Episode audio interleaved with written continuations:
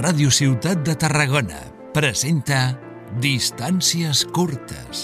Josep Maria Àrias i Tomàs Carot. Benvingudes i benvinguts a Distàncies curtes. El 1859, fa 165 anys, el periodista Josep Güell i Mercader va fundar el Centre de Lectura de Reus, una entitat privada, sense ànim de lucre, que porta gairebé dos segles fent un servei públic.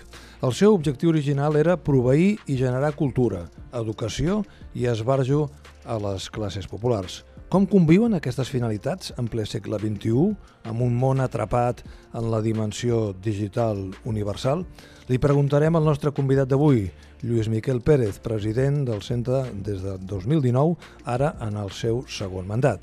Llicenciat en Filosofia i Lletres, especialitat en Història Contemporània, empleat de banca jubilat, polític amb llarga trajectòria, alcalde de Reus del 1999 al 2011, diputat al Congrés durant dues legislatures i diputat al Parlament durant una. Fa uns anys que ha enfocat la seva vida en l'àmbit sociocultural i quan té temps, si no anem errats, també en el de la pagesia domèstica. Molt domèstica, sí. Benvingut, Lluís. Gràcies per compartir aquest temps de conversa a Ràdio Ciutat de Tarragona. Recuperem la pregunta que ens fèiem a l'inici. Com conviuen una entitat del segle XIX, com és el centre de lectura, amb aquest món mediatitzat per les xarxes socials, les plataformes digitals? Bueno, sent fidel als seus inicis, no?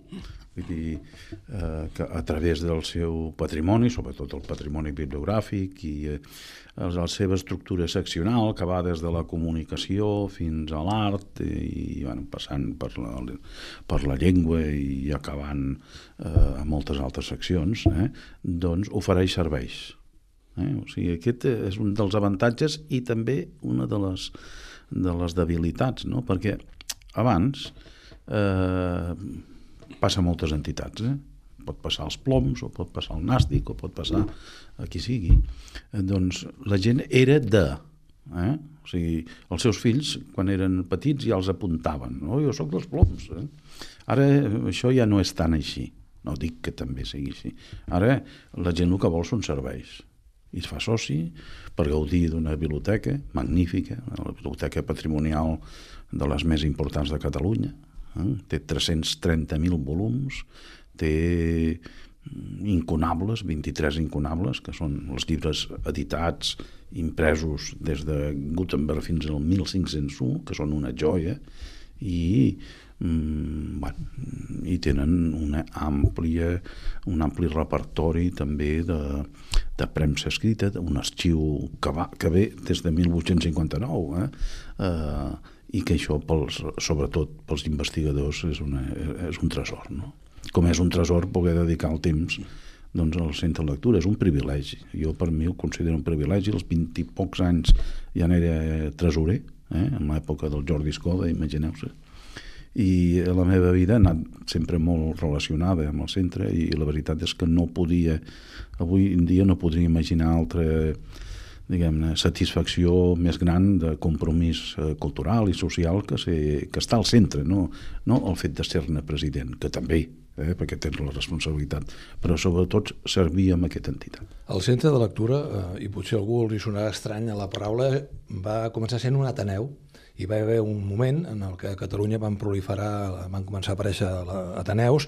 El cas del centre de lectura és un dels primers, n'hi ha alguns una mica més antics, a Vic del 1848, a Mataró el 1854, a Figueres el 1856. Uh -huh. Quins són els nous Ateneus, els Ateneus del segle XXI? Bé, mm, jo suposo que segueixen sent els mateixos, però abans eh, has fet esment amb una amb una novetat, no?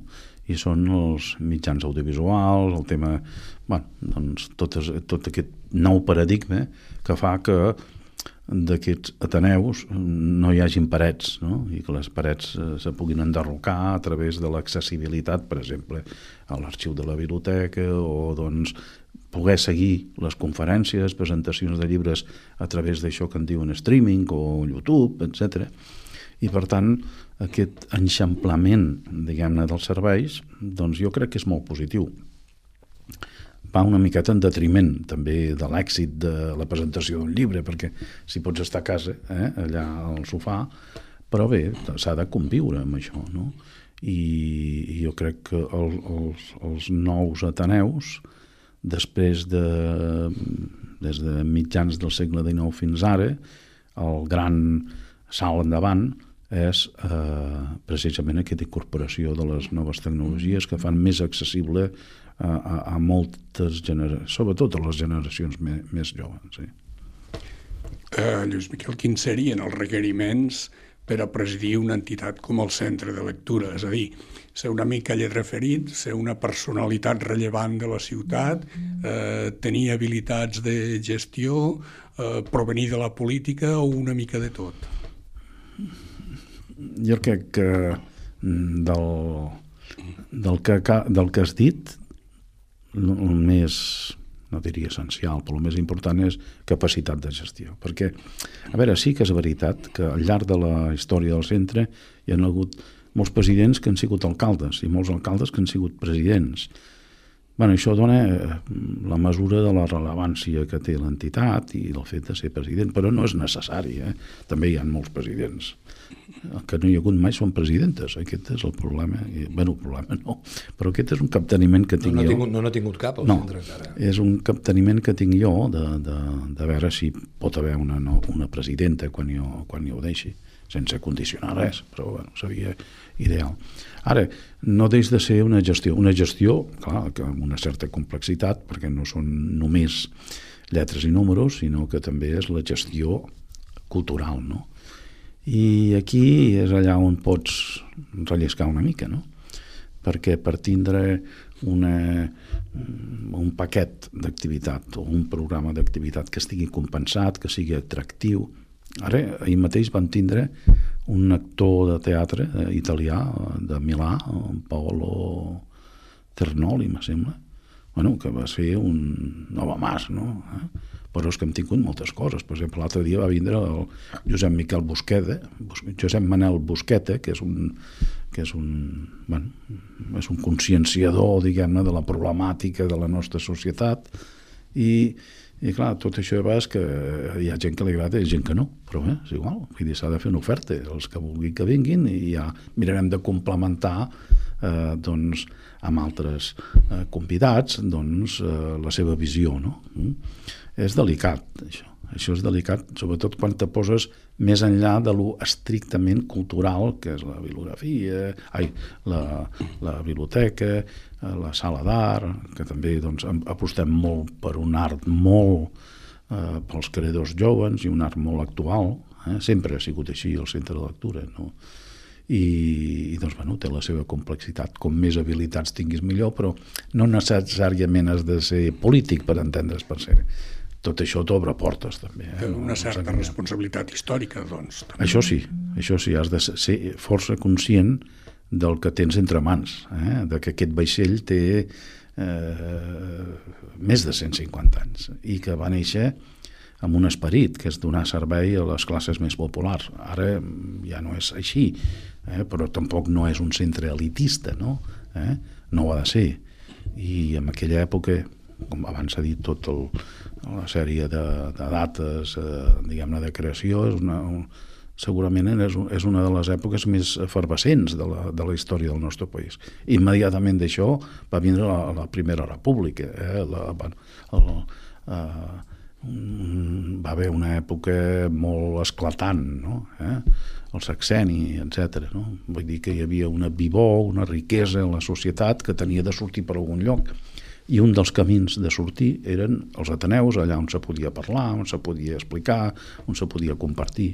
I això és un tresor, això, vull dir, això és un tresor. Al llarg de la trajectòria de, del centre de lectura, amb les diferents èpoques de, de la nostra història més, més recent, el, centre també ha estat eh, mobilitzador, ha estat mm. eh, activador de discussions, de generar esperit crític, potser aquesta, aquesta vessant de la cultura a l'accés de tothom perquè tingui esperit crític per, per jutjar. Jo no sé si amb el temps, una vegada va passar la transició, amb la consolidació de la democràcia, aquest paper d'agitador, en el millor sentit de la paraula, eh, ha desaparegut o, o s'ha matitzat? A veure, en essència no, però a la pràctica sí, perquè bueno, hi havia unes circumstàncies polítiques que feien que qualsevol que tingués consciència, qualsevol entitat o els directius d'una entitat, doncs apretaven, per entendre's. Ara, afortunadament, en democràcia això també cal, eh? Vull dir, perquè... Però no cal políticament, eh? Cal doncs, eh, doncs cridar l'atenció d'alguna mancança en l'aspecte cultural i tot això es fa en boca d'altri, eh? en boca dels convidats que venen, que, que expliquen les seves raons, eh, tot això està o bé organitzat per les seccions del centre o pel Consell Directiu, o bé també mm, gent que ens demana, és que vull fer una conferència sobre això, doncs vinga, eh? no només sobre, sobre cultura, sinó també sobre la problemàtica de la societat. I si anem comptant els actes que hi han, que a vegades que n'hi ha dos, i alguna vegada fins i tot tres, sempre trobaràs eh, alguna oferta per entendre's, de conscienciació social. I això a mi particularment és el que m'enorgulleix. Quina seria la joia de la corona? La biblioteca, el teatre o la essència en si, l'esperit del centre de lectura? Bueno, ara faré una miqueta de polític. Eh? la joia de la corona són els seus socis.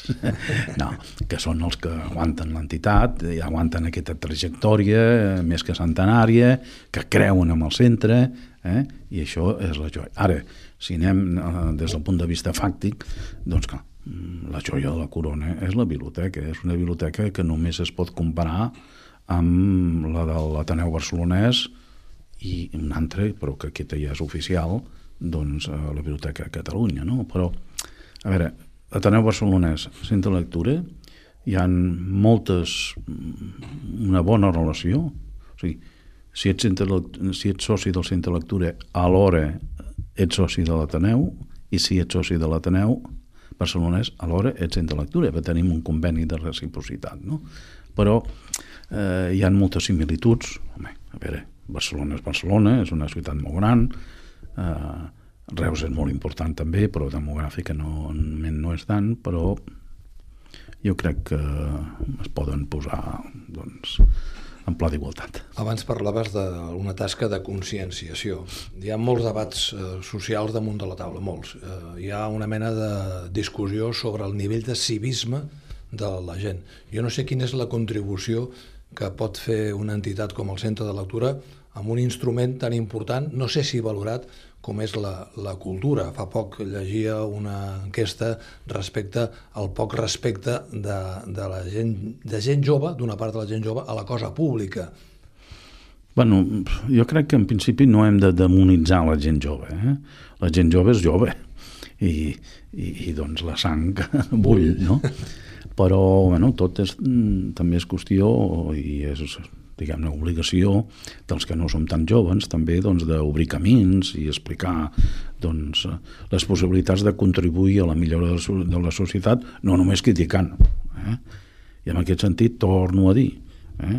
vull dir, el centre de lectura es poden, diguem-ne, obtenir aquestes eh, línies, diguem-ne, de, de treball per millorar la societat eh, a través doncs, de, de l'activitat que hi ha fixa i també del seu foro públic, o sigui, mm, i que està obert a tothom, tothom, tothom pot vindre a parlar, tothom pot convidar amb algú, mm, bueno, no, no hi ha limitacions ni hi ha censures, per entendre's. El Lluís Miquel Pérez és una persona polièdrica, perquè a part d'aquesta activitat i la llarga trajectòria, és doctor en història? No, o perquè va fer una tesi. Però bueno, no. Us va preparar. Sí, es va preparar, va. tinc publicat una part, eh, amb una publicació del, de, de la pròpia universitat, eh, també eh, sobre, un, sobre aquesta època no? que va sortir el centre de lectura, no? eh, perquè en aquesta època hi havia eh, una gran efervescència també social i cultural eh, a Reus, és allà on neix el centre, també eh, doncs, el círcul, que en principi tenien una orientació similar, i jo estic tra treballant sobre un personatge també que es diu Bernat Torroja, que es va dedicar molt a temes econòmics i socials, i la veritat és un, va ser alcalde de Reus, i per tant, però encara no la tinc culminada perquè és que hi ha molt de, de gra batre. Vull dir, quan poses, te poses el, dintre dels, dintre dels eh, diguem-ne, documents, no acabes. Ara sí, tinc feta una ressenya inicial de 72 planes, però encara no he llegit la, la tesi. Espero que ho pugueu fer aviat. La tasca del president del centre de lectura no passa només per tallar cintes, per a fer presentacions d'actes, sinó per... Tenir cintes no gaires, sinó, perquè tinc les obres sinó per, sinó per tenir també el capteniment en el manteniment econòmic d'una entitat com el Centre de Lectura, que té un bon nombre de, de treballadors, que, com dèiem, és una entitat privada, però que està donant un, un servei públic.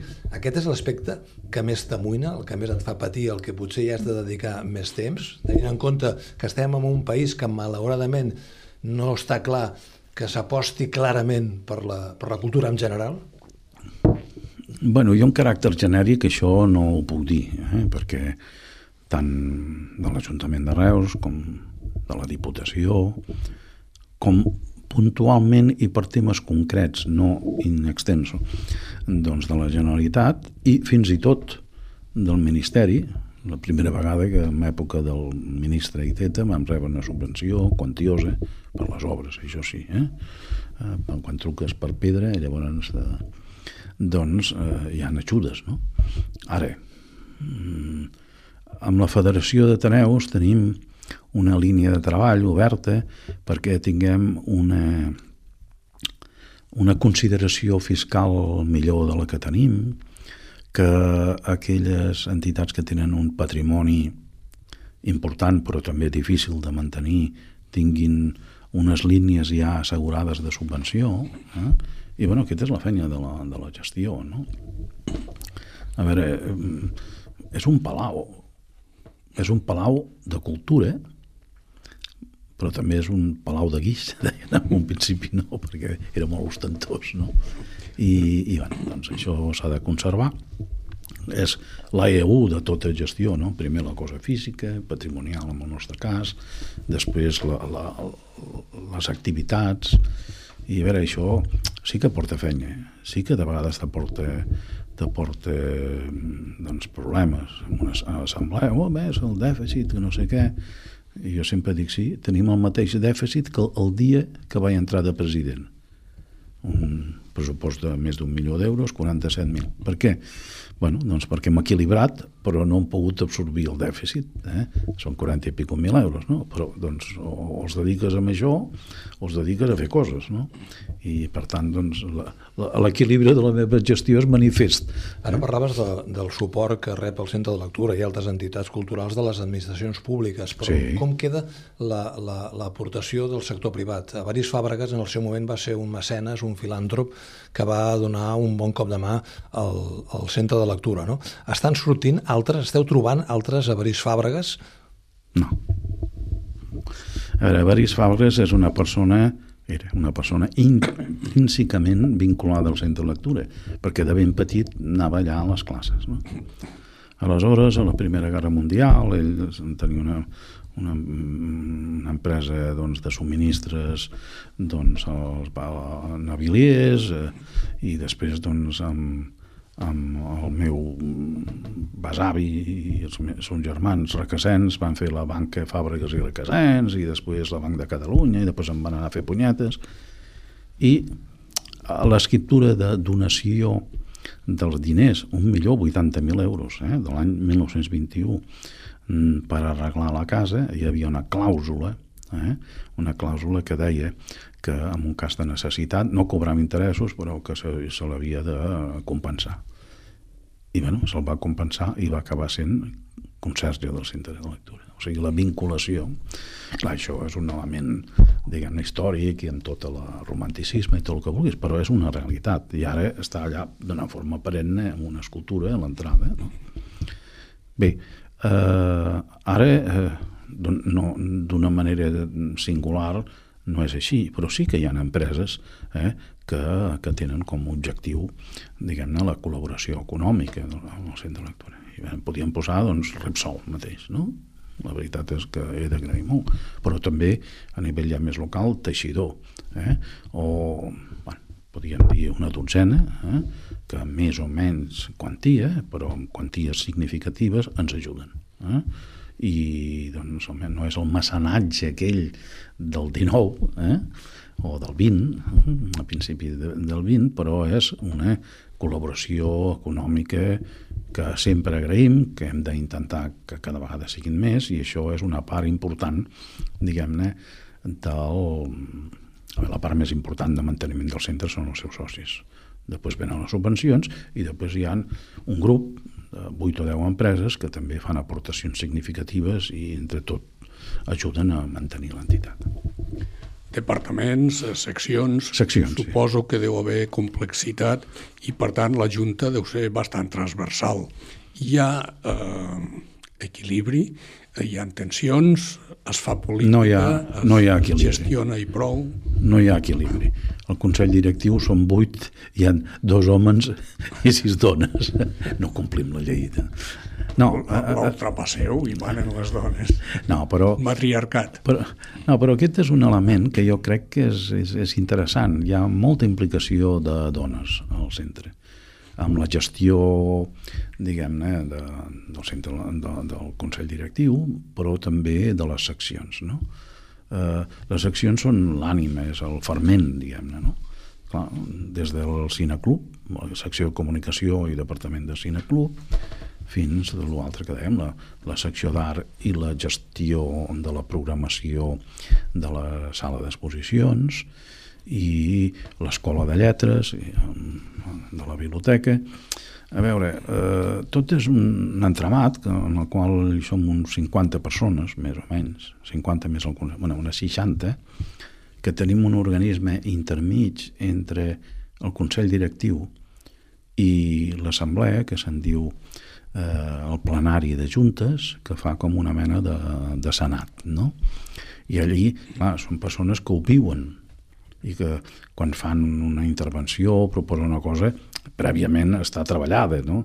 I això fa que hi hagi aquest vivó i aquesta riquesa, en definitiva, de, de, bueno, de lo que és la vida quotidiana, bueno, vida quotidiana i els projectes culturals eh, doncs, del centre perquè la gent sigui conscient de la diversitat d'activitats del centre de lectura. Potser val la pena repassar mm. molt ràpidament les seccions, algunes sí. les has anomenat, la secció d'art, secció de ciències de la comunicació, de ciències de l'educació, ciències exactes, físiques naturals, ciències socials, polítiques i econòmiques, geografia, història, llengua i literatura, música, tecnologia, excursionisme... És a dir, aquest... Però això dels excursionismes és el nou home. no, tenen una...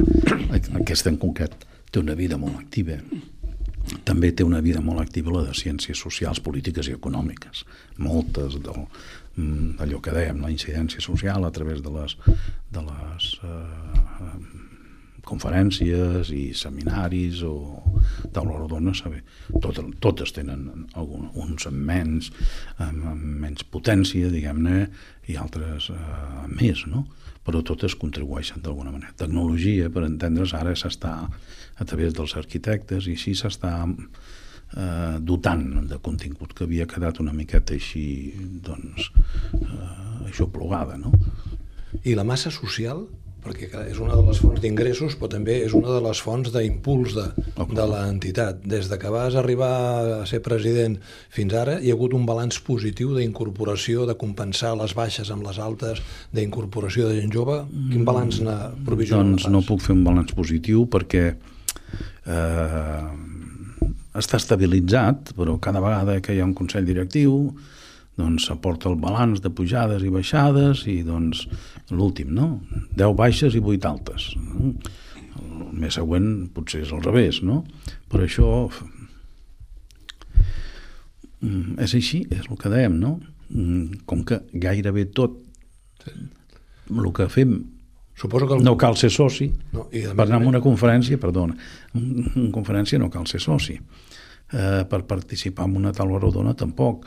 Per presentar la proposta d'una activitat tampoc. La sala d'exposicions, doncs tampoc. L'únic mm, que està limitat és a la biblioteca, però limitat només parcialment, fins a la, a l'edat educativa, a la finalització universitària, als 23 anys, és lliure. Eh? perquè és aquesta aportació social, no? Escolta, una biblioteca com qualsevol altra biblioteca pública, no? A partir d'aquí, doncs, si és un investigador, també té eh, l'entrada, però si és un que va llegir el diari, doncs ha de pagar la quota de soci. Mm? Aquesta dinàmica, que no és exclusiva de, de, del centre de lectura, s'hi troben altres entitats, perquè la gent li costa apuntar-se a, comprometre's a, i pot pagar un abonament amb una plataforma per veure sèries, però sembla que encara hi ha una certa resistència a incorporar-se a una entitat que transcendeix, que, que té una pluralitat d'activitats en les quals un s'hi podia sentir representat. No? Com, es, com es pot vèncer aquesta, aquesta inèrcia de, de, de, de que la, la, el confort que esteu oferint a la gent de poder seguir les conferències per internet no vagi en detriment no de l'assistència als actes, sinó del suport a l'entitat a través de la figura de soci. Aquest és un interrogant que tenim, no? Vull dir que si l'apertura dels serveis, diguem-ne, van en detriment. Jo penso que sí, però és la nostra funció social també. Eh, fer eh, soci al centre de lectura val el que fer un vermut amb patates i olives. Bueno, potser passa una miqueta. 20 euros al mes al, l'adult, eh? Els joves menys. Eh? Bueno, és una qüestió de convenciment. Com això no pots lluitar massa, només és, mire, jo li puc oferir això. Mm? però campanyes allò d'una manera... bueno, ara estem intentant amb una plataforma que ens ha vingut a oferir, que volen vendre coses, bueno, vendre, vendre reus des de, punt, des de, punt, des de diferents punts de vista, i ens han dit si volem que els actes que fem surtin allà, a la plataforma diària. Bueno, hem dit que sí, diu com mal, diu no, no, no, és gratuït això, ah, vale, doncs molt bé. No sé si n'hi ha detriment o no, però què han de fer? Tancar-nos? No, eh, bueno, mira, mentre no, mentre no mentre eh, la línia sigui horitzontal i no sigui de baixada, doncs anirem aguantant. Eh, parlant d'això i la perspectiva aquesta de futur i de eh, solucions a lo millor imaginatives, ho vinculo també amb una altra qüestió que del qual en l'època d'alcalde o de polític també en vas participar, que seria tot el tema de el planejament supramunicipal del, ui, que seria, ui, ui, ui. del que seria la regió. Va bé molt lluny, això ja. Home, el, el centre de lectura es pot obrir, per exemple, al Camp de Tarragona i fer una campanya i vincular-se amb altres activitats. A veure, és que no crec que sigui necessari obrir perquè la voluntat ja hi és. Una altra cosa és que sigui un, un agent actiu per això o que els altres agents així ho consideren. No? Sé que la, la d'això, la, la, com se'n diu, la secció aquesta de ciències, no sé, com és clar que ho sé, però de ciències eh, socials, mm, polítiques i econòmiques està preparant, està tornant a preparar un cicle que es va fer fa bastants anys i fins i tot se va editar un llibre que es diu Converses d'interès local, que, ojo, no perquè siguin d'interès local, no tenen una transcendència territorial. Eh? N'hi han dos o tres que ja estan preparant-se, una, una que, eh, un, no diré noms, eh? però un membre doncs, té molt, el president vaja d'aquesta secció té molt d'interès, que és la transcendència, diguem-ne, aeroportuària de Reus, que això és molt important. Un altre que té a veure amb l'articulació, diguem-ne, regional del, del camp, bueno, tota una sèrie de conferències de Reus dins d'aquest àmbit. Mm. Com podeu comprendre, aquest era un àmbit que a mi no, no, no sé si la paraula és interessant o no, però que el, el trobo molt, molt propi, perquè, a veure, eh, no som tan grans, eh, al Camp de Tarragona. Però, en canvi, ha aquestes polaritats no només Reus i Tarragona o Tarragona i Reus, sinó d'altres, que ens poden, a veure com ho dic d'una manera així que ningú s'ho prengui malament, ens permeten de competir, diguem-ne, amb, amb Barcelona i la seva àrea, no? amb alguns aspectes, clar, demogràfics, no? I això és el futur, vull dir, si no prenem consciència que sols i aïlladament mm, difícilment se poden tirar endavant projectes, per exemple, tota l'articulació ferroviària, eh? El Consorci del Camp, de Nostrat, però va tindre un, va tindre una, un, un sol projecte que va tirar endavant, que, que és el, el, el traçat del corredor mediterrani. I me'n recordo d'una conversa que vaig tindre amb el ministre Álvarez Cascos, i diu, és es que ustedes allí són muy cucos. Això de cucos és, va dir ell, eh? Diu, aquí vienen todos los alcaldes y piden cosas ¿eh? para su entorno. Pero ustedes primero se ponen de acuerdo y vienen todos juntos. Bueno, sí, això sembla lògic, però doncs no devia ser tant si ho va ressenyar, no? Doncs hi ha molta feina a fer aquí. Eh? La comunicació extraterritorial amb aquests eixos eh, i després un projecte que jo bueno, doncs no sé si vaig ajudar a, a, a confegir o que sigui, però crec que és importantíssim que és el trencam famós, no? Eh, una vegada a la Generalitat, oh, trencam, aquí no hi haurà prou, prou gent, diguem-ne, per mantenir això. Dic, com, eh? No ho sé. O oh, és que el tramvais, eh, sí, dic, però trambassors no tant. I, a més, això se fa més a més o es fa amb el conjunt, el finançament? Perquè, clar, aquí l'estiu la demanda serà 3-4 vegades més que l'habitual, no? I bé, això, doncs, jo crec que és una cosa que està com a... està latent, però encara no està allò articulada ben bé per allà on ha de passar. Bueno, jo sí que ho tinc al cap, però és que ara és igual. Eh? Però tant en Pep Poblet, eh, eh, doncs, com jo mateix, que hem tingut en aquest sentit uns interessos comuns sobre el territori, eh, jo vull tancar una llança pel Pep Poblet, que és el millor alcalde que hem tingut durant molts anys en aquest eh, territori, és una, a part de ser una persona doncs, eh, agradabilíssima, no? Doncs això, això de, a, a, algun dia s'ha de fer. Per, eh? Perquè penseu que només la Reus i Tarragona, només el desplaçament diari eh, són, per raons de mobilitat obligada, són un fotimer de milers de persones. Eh? I això se li ha de donar servei. I malauradament els autobusos no acaben de donar això. Creus que, que s'està superant aquesta fase antiga de la competència per substituir-ho per la col·laboració i la cooperació? De fet, els dos alcaldes nous, uh mhm. -huh. tant Sandra Guaita Reus com eh, Vinyuales a Tarragona, una de les primeres coses que van fer va ser seure i manifestar la voluntat de reactivar aquest projecte, mm, digue-li àrea metropolitana, digue-li el nom que tu vulguis, uh mhm. -huh. el que després s'hi ha afegit la Diputació a través de la presidència per emparar un debat en el que s'han incorporat més, més alcaldes. Creus que realment estem en, bona, en la bona direcció? Jo penso que sí. Eh? Això ha sigut com un tema gairebé tabú, això de les relacions entre... bueno, no les relacions, vull dir, fer coses junts entre Tarragona i Reus o Reus i Tarragona. Dic Tarragona perquè estem a Tarragona, eh? no per res, no perquè cedeixi el lideratge. Eh?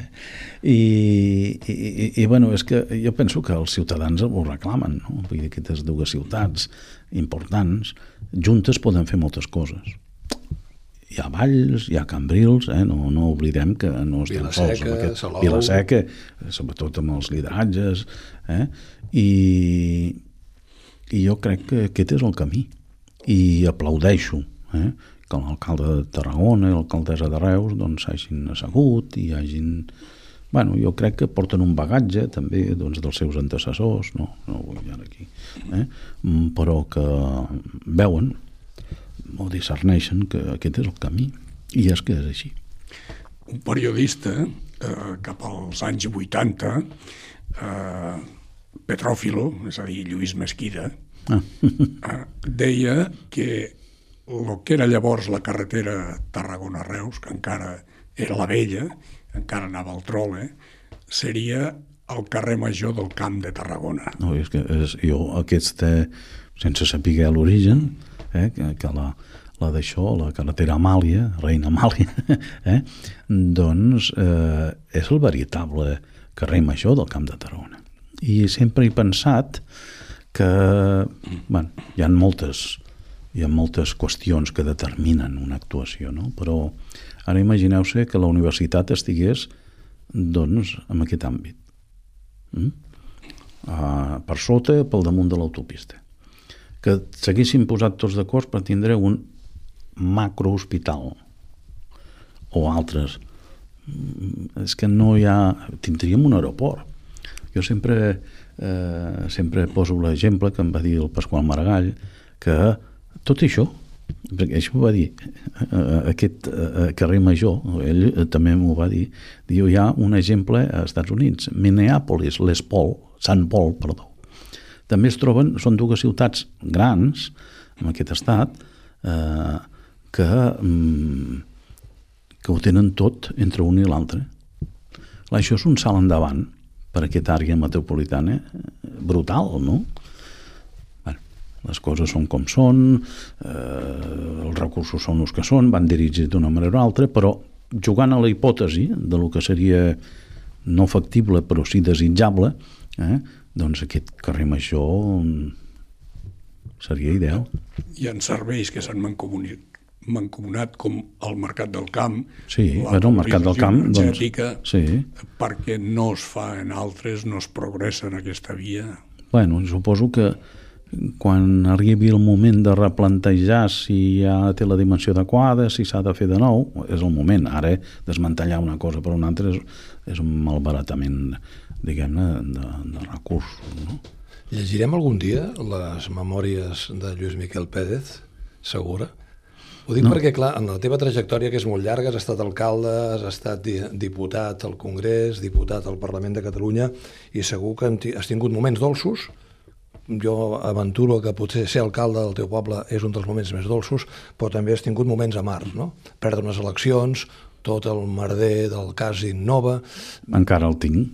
El dia 6 de maig he d'anar a l'audiència eh, per haver construït un hospital que no sé què passa aquí darrere, però bueno, doncs ja hi anirem i ens diran, no? Eh, bueno, això tampoc no, no poso aquí la justícia aquí al mig, sinó que és una denúncia que amb una flamarada va ser de l'Ajuntament d'aleshores, en època del meu antecessor, que ja doncs, han desistit, i també de la CUP, eh, que no han desistit. Però bé, eh, això deixem-ho a banda perquè això va amb el càrrec, no? Però bueno, és, són 13 anys i ho portes aquí, no? Mm? Eh, Val la pena? Has pensat en fer la, escriure les Sí, memòries? bueno, quan acabi la tesi. Mm, home, hi ha molta cosa a explicar, Reus és una ciutat molt vital, jo crec que es van fer, no només nosaltres, sinó en l'època del Pep Avelló, i, doncs se van fer moltes coses, se va trans... Eh, alguna gent me diu, és que clar, vosaltres sou uns alcaldes que vau transformar la ciutat. Clar, sintetitzar aquesta transformació jo crec que està bé, però això t'hi has de posar molt amb temps i, i doncs, documentat, perquè si no són anècdotes i no, si s'ha de fer doncs eh, també és com una tesi això, una tesi si no doctoral doncs doncs s'ha de fer eh? I com veus el moment polític actual? El, el local, eh, s'han fet ref... no, no local em refereixo a un municipi en concret, el nacional, l'estatal, l'internacional, estem en un moment d'efervescència, teníem, no teníem prou amb una guerra a Ucraïna, ara tenim una guerra a Gaza... Bé, començant, diguem-ne, per lo més gran, no? Això d'Ucraïna és totalment injustificable, no ho sé. Eh, ara diuen que fins i tot doncs, podia haver unes ramificacions doncs, aquesta guerra de...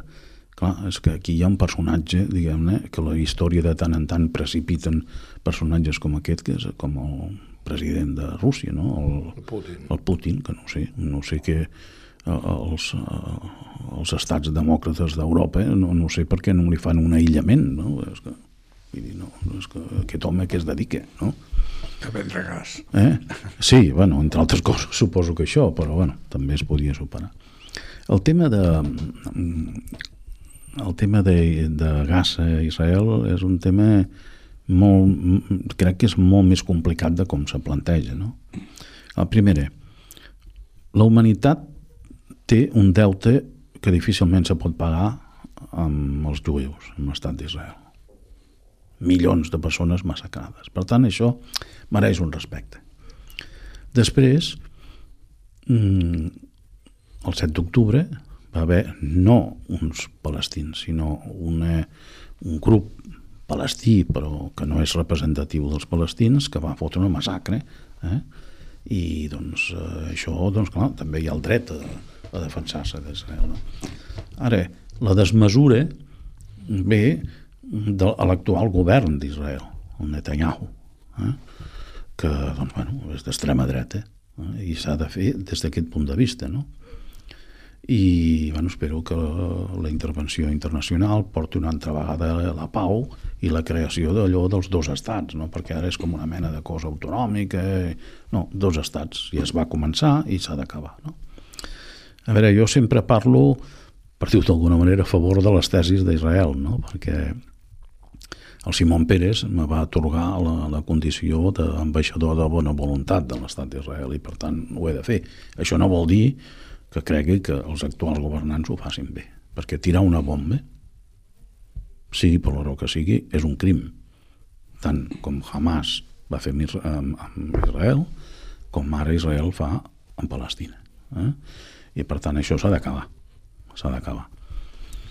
Com s'acabarà, no ho sé. El que passa que aquest, aquest corriment de, ideològic cap a la dreta, parlaves ara del, del perfil de Netanyahu, claríssimament bueno. d'extrema dreta, però ho estem veient també a Itàlia, ho estem veient amb una inèrcia que està a França. Tenim, entre cometes, l'amenaça d'un segon mandat del Trump eh, a Estats Units, que, clar, els Estats Units juga un paper molt important en la geopolítica oh, internacional. No?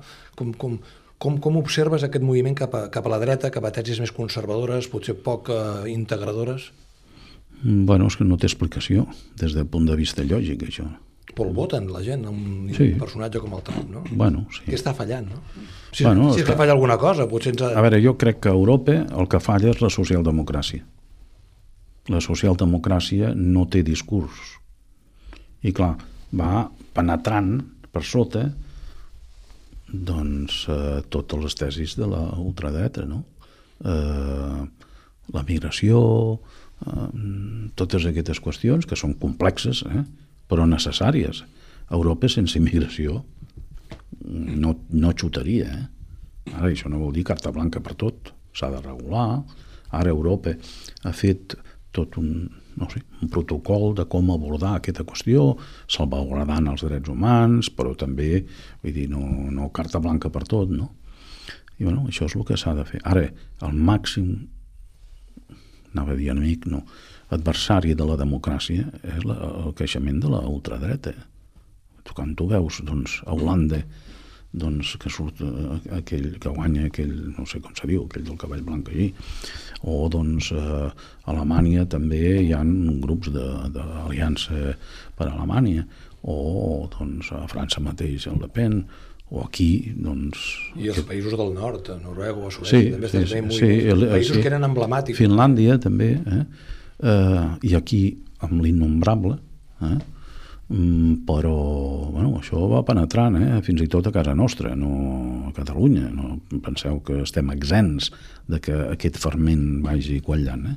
En aquest sentit, com parlaves de que la social, socialdemocràcia té, té algunes mancances, tu creus que el PSOE i el PSC són partits amb els que tu hi tens o has tingut una vinculació orgànica, uh -huh en el, en, en el moviment que s'ha fet per a garantir la governabilitat de, de, de, de l'estat espanyol, amb tot el tema de la llei d'amnistia, estan intentant recuperar un discurs diferent, més integrador, més basat en la negociació i en, la, no, no, no sé si la concessió o l'escoltar als altres. Creus que és un bon exercici?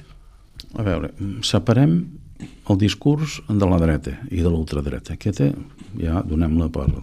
Mm? Què fa els socialistes? Bueno, el que fa és el reconeixement de que l'estat espanyol és un estat plurinacional i que, per tant, hi ha unes nacions, País Basc, Catalunya, Galícia, que com a tal nacions tenen una llengua i tenen bueno, una sensibilitat nacional, per tant, unes idees pròpies de com abordar determinades qüestions polítiques. I el que fa és recollir-ho alguns diran, ho fan per necessitat perquè necessiten els vots. bueno, aquí lo important és que ho fan. Mm? Eh, a Catalunya no els necessiten els vots perquè no pot conformar un govern, però manen doncs, els independentistes, Esquerra, que m'acosta dir que Esquerra són independentistes des del punt de vista de la transcendència aquesta belicosa, no? però hi ha uns pressupostos, aquí hi ha uns vots. Jo crec que això, el reconeixement d'una identitat, factibilitat d'un suport quan fa falta fer un pressupost. Tot això eh, penso que és l'important de la política, sumar, eh? no, no sumar el partit també, eh? però doncs, eh, sapigueu en quin món estàs i sapiguer què pots fer per la prosperitat d'aquest món, o d'aquest estat, diguem-ne, o per la gent que viu en aquest estat. Potser, per acabar, un missatge d'esperança hauríem de ressuscitar un vell amic teu, líder Pete Seeger, el seu missatge de que eh, amb el seu banjo es sí. destruirà. Per cert, fem una conferència un dia d'aquests sobre Pete Seeger, no? Hi ha una persona a la que aprecio molt perquè vam estar treballant junts el Ramon, el Ramon Nadal, eh, que és un, bueno, és un ferm seguidor. El promotor de l'associació que es va constituir ah, a partir de l'exposició que es sí, va sí. fer... Al centre de lectura, sí. Veus, aquesta dimensió, aquest és un exemple, no? És una bellíssima persona, el Ramon, eh? la veritat és aquesta, i en la seva etapa de gestió, també d'elements, diguem-ne, de, de Cirusa, de, de tot eh, l'àmbit del, del camp de, de Tarragona, doncs va tindre una activitat exemplar, no? Però té aquesta sensibilitat no només d'un músic, és un músic amb un discurs, amb un discurs social. Eh? Pinsiger transcendeix la música per arribar a, diguem-ne, al cor de tothom, no? Eh? aquesta mena de jazz i música popular. No? Se'ns ha acabat el temps. Ah, sí? Eh, transcendim, de, de les, transcendim de les anècdotes, intentem fixar-nos en les categories. T'agraïm moltíssim a Lluís Miquel Pérez, segura que hagi acceptat aquesta invitació de compartir aquest, aquests tres quarts d'hora de distàncies tan curtes com, com podem. Moltes gràcies. L'agraïment és meu, eh, ho dic en tota sinceritat. Adéu-siau, ens retrobem la propera setmana.